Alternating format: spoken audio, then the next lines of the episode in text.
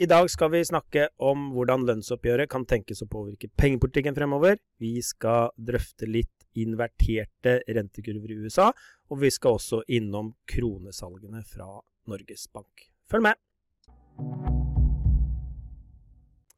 Velkommen til podkasten Nordea Markets fra innsiden. Det er mandag 4. Eh, april. Vanligvis spiller vi inn på tirsdag, men nå var vi så ivrige. Det var så mye spennende som har skjedd siste uka, så vi tenkte nå har vi ikke tid til å vente lenger.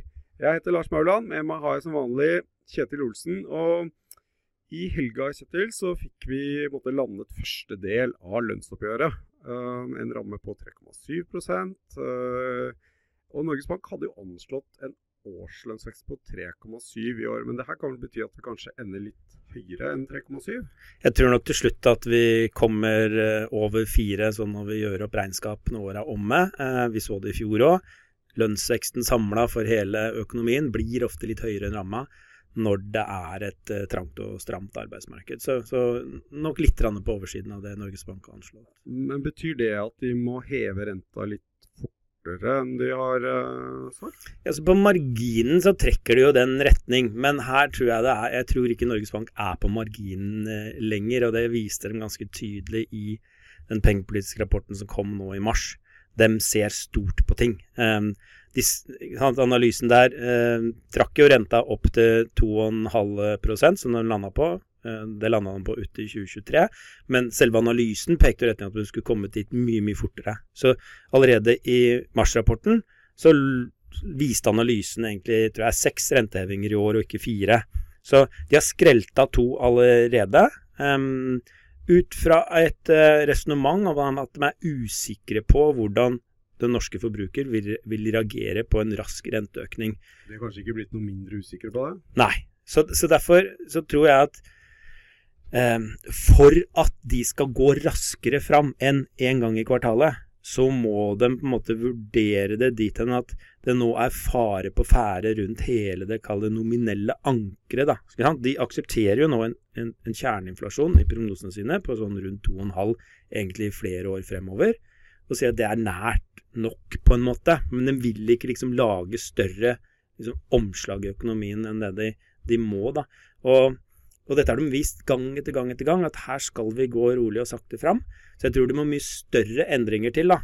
På en måte, altså Du må ha lønnsvekst på sånn 5-6. Da, da hadde vi vært i en situasjon hvor de hadde begynt å frykte at hele, kall det tilliten til inflasjonsmålet rundt 2% var i ferd med å ryke. Da kunne vi kanskje sett kjerneinflasjon opp mot 3 og Ja, og pluss liksom, som bare gått feil vei. Så um, jeg tror Norges Bank er der. Og det betyr jo at det, det det blir litt annerledes fremover. Så vanligvis er det jo sånn her, og på marginen så er det litt mer der og litt mer der, og da trekkes banen opp 10-15-20 punkter. Jeg tror ikke det gjelder lenger, på en måte. Um, de, I den grad det er positive overraskelser fremover, så, så bidrar det til en løft i rentebanen, men liksom lenger der ut, tror jeg, da.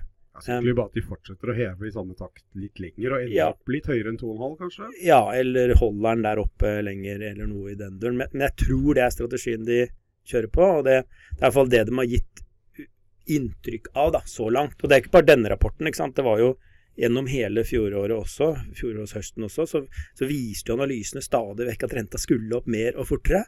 Um, men de i Norges Bank holdt igjen? De holdt igjen, og de fortsetter å holde igjen. Så det, Um, man, man, skal aldri si aldri, men, men jeg, jeg, tror det liksom må Det må mer, noe mer dramatisk til, da. Eh, og det lønnsoppgjøret var jo ganske i tråd med det Norges Bank hadde Absolutt. anslått. da, så Men hadde liksom rammen blitt 5% så altså gå tilbake til 2002, hvor liksom Norges Bank skulle vise at her gjelder inflasjonsmålet, um, da var det et lønnsoppgjør på 6 liksom. Så, så ja. Enig. Og med høye kortrenter, ikke bare her hjemme, men ute, og lange renter som ikke har Det å kommet opp til òg, men ikke så mye. Så har vi nå fått veldig flate rentekurver. Og rentekurven i USA, to år minus ti års statsrenter, den gikk i minus nå for første gang på, på fredag uh, på lenge. Og, og, da, hver gang det skjer, kurven inverterer eller nær inverterer, så titter man tilbake på tidligere episoder hvor kurven har vært invertert. Og, og det har ofte skjedd i, i forkant av resesjoner. De resesjonene vi har hatt de siste uh, gangene, så har det vært en kurvemartering. hver gang. Og Da er det veldig lett å trekke den konklusjonen at inverterte kurver er lik, eh, lik eh, resesjon. Kan det være sånn at er eh, 'this time is different', uh, at det argumentet gjelder, Kjetil? Ja, Det er jo alltid farlig å si det, da. Men nei, jeg, jeg, er jo litt der, da. Fordi um, ja, Hvis du ser tilbake også i tid altså Den var så vidt litt invertert i, i 2019, var det vel også, på samme måte.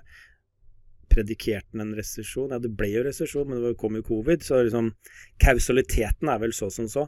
Eh, og kanskje også i 2001, når det var noe invertering der, så kom 9-11 og bidro til litt eh, I hvert fall bidro i tillegg, da.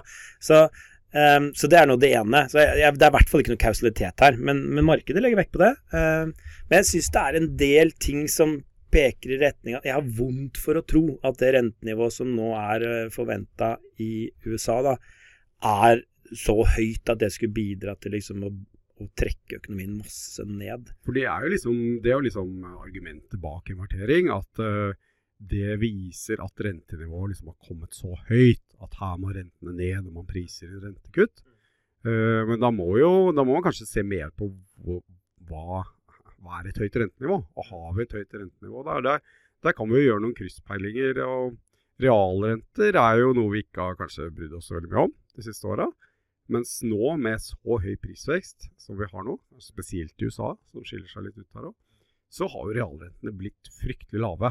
Uh, og det er klart at nå har vi jo en lønnsvekst på 6-7 og en prisvekst på omtrent samme nivå i, i USA. Og da er jo en rente på 2% noe helt annet enn hvis pris- og lønnsveksten ligger på halvannen 2% Du høres ut som en økonom du, Lars. ja, ikke sant? Og det, jeg tror mange bommer på de greiene der. Én eh, ting er jo at de lang, det er de lange rentene som betyr noe i USA. Og de har jo kommet litt opp, men de er fortsatt fryktelig lave. Du har en tiårs eh, amerikansk statsrente på om det er 2,4 eller 2,5 eller ja, rundt der. Um, men det er riktig som du sier, i reelle termer, som er faktisk det som betyr noe inn i økonomien, så er den jo aldri vært mer negativ enn den er nå. Så den har aldri vært mer stimulerende, sånn i hvert fall ut fra en sånn tekstbok-teoriargument. Eh, så er det jo realrenta som betyr noe. Også, og det er det jo også. Det er helt riktig som du sier. Altså, når bedriftene får 6-7 mer for varene eller tjenestene de selger, og, husholdningene får 6-7 høyere inntekter, så blir en rente på 2-2,5 fryktelig mye lettere å bære enn om eh, pris- og lønnsveksten var 1-2% Så det er jo det det er kanskje det viktigste argumentet som, som jeg har, at eh, dette rentenivået er ikke høyt nok til å bidra til å, å trekke amerikansk økonomi mye ned, nei. Eh, snarere tvert imot. Og En annen ting er jo at uh, selv om toårsrenten har kommet opp mye, så er jo den veldig korte renten, tremånedersrenten, fortsatt veldig lav. Mm. Og det gjør det fortsatt veldig attraktivt å låne korte penger for å investere langt. Men med den rentehevingstakten som ligger til grunn nå, Eh, så varer det kanskje et års tid. Så vil den pickupen man får, da, være veldig, veldig dårlig. Mm. Og det vil nok gjøre noe med etterspørselen også etter lange obligasjoner. Og så må vi ikke glemme at en viktig grunn til at lange renter er så lave nå, er at de har jo blitt bevisst dytta ned av sentralbanken, som mm. har kjøpt uh, obligasjoner med begge hendene, so to speak. Mm. Uh, og nå ligger det jo i kortene at uh, om en måneds tid, drøyt kanskje, så så vil sentralbanken i USA begynne å faktisk selge seg ned i obligasjonsmarkedet. Det får vi vite litt mer om på referatet fra siste rentemøte som, som mm. kommer denne uka her. Mm. Så den strømmen i seg selv kan også være med på å dytte lange renter litt opp. Og da plutselig så er ikke kurven kanskje så flat som det som prises inn nå. Er helt riktig. Um, det er så, så Både det at kortrente kommer opp, det gjør det mindre attraktivt å, å kjøre en sånn carry trade på korte lange. Uh, nedsalg av uh, obligasjonsbeholdningen til, uh, til den amerikanske sentralbanken. Det, så det er jo vårt syn, da, at etter hvert som Fed nå går i gang med å heve rentene og enda raskere enn de har gjort, og får noen 50 punkter fremover nå, så vil det i seg selv bidra til å løfte også langenden. Og det er noe med markedet liksom Det å si at å, markedet mener at en rente på 2,5 er det høyeste du kan komme, og det er nøytralt og sånn. Og for tre måneder siden så mente de 1,5, og nå er det 2,5. Så jeg vil ikke bli overraska om vi om et lite halvår sitter og ser på en um, tiårsrente i USA som fort kan være 3-3,5. Så um, så dette her er bevegelig target. Um, men her, jeg tror nok også både mar markedet ikke sant? De kikker på hva den amerikanske sentralbank sier om type nøytral rente, normal rente, um, og vice versa. Sentralbankene ser på markedet, så er det sånn derre hollow mirror. Um, det er jo et uh, Ingen vet hvor det nivået er.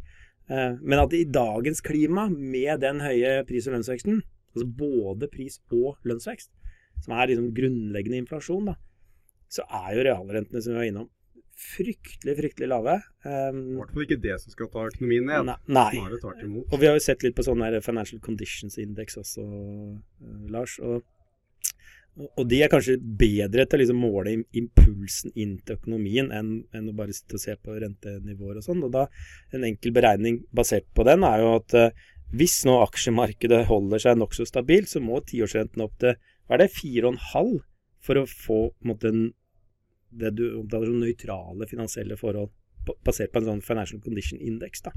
Så nei, uh, time will show, men vi er ikke overbevist om at denne 2-10-inverteringen nå varsler noe altså kausalitet til på en måte, hva som vil skje i økonomien. Uh, mm. Veldig enig med det der. Kjetil, merkelig nok.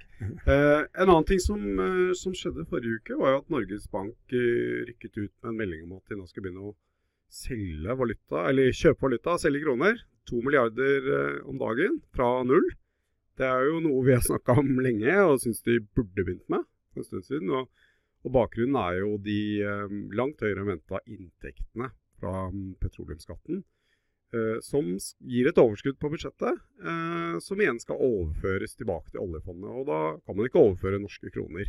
Så da, da um, agerer jo Norges Bank som en agent her på vegne av Finansdepartementet, og, og vil da selge kroner løpende nå, fra budsjettet egentlig, til overførsel til, til oljefondet. Det er mål tilbake til 2014 sist gang de gjorde det. Nå har det stort sett strømmen gått andre veien.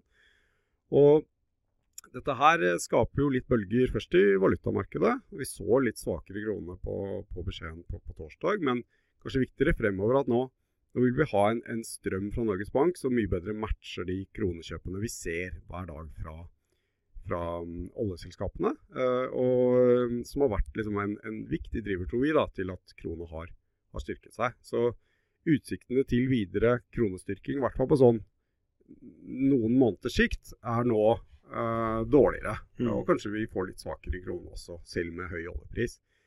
Men det er jo ikke bare der det, det er viktig, disse, disse kronekjøpene. Fordi det bedrer også uh, strukturell likviditet. Når Norges Bank selger kroner, så ender de kronene opp i banksystemet. Og da blir det mindre konkurranse om å låne kroner i FX-toppmarkedet, og rentene faller. Og den uh, med, med to milliarder om dagen i løpet av et par måneder så har vi plutselig 80 milliarder mer i, i, um, i banksystemet.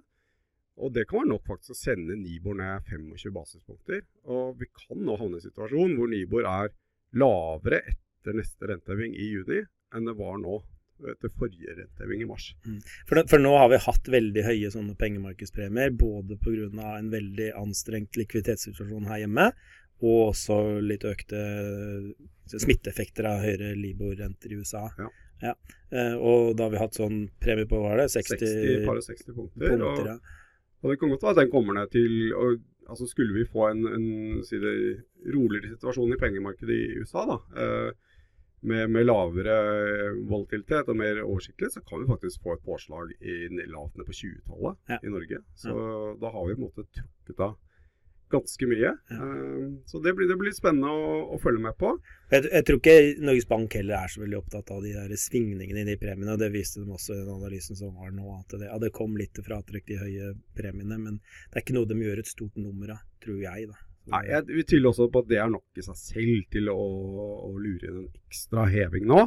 Uh, det er også, Norges Bank har også lagt til grunn at påslaget skulle komme ned. Da mm. kommer det fortere ned enn de ventet. men det er en litt sånn forskyvningseffekt, og, og kanskje ikke noe som betyr så mye på, på litt sikt, egentlig. Men spennende for oss som sitter og, og følger med på dette her fra, fra dag til dag, eh, så, så, er det jo litt viktig. Mm. Det var alt vi hadde i dag. Eh, du har hørt på podkasten eh, Nordea Markets fra innsiden. Jeg heter Lars Mauland, og med meg har jeg hatt Kjetil Olsen. Takk for i dag.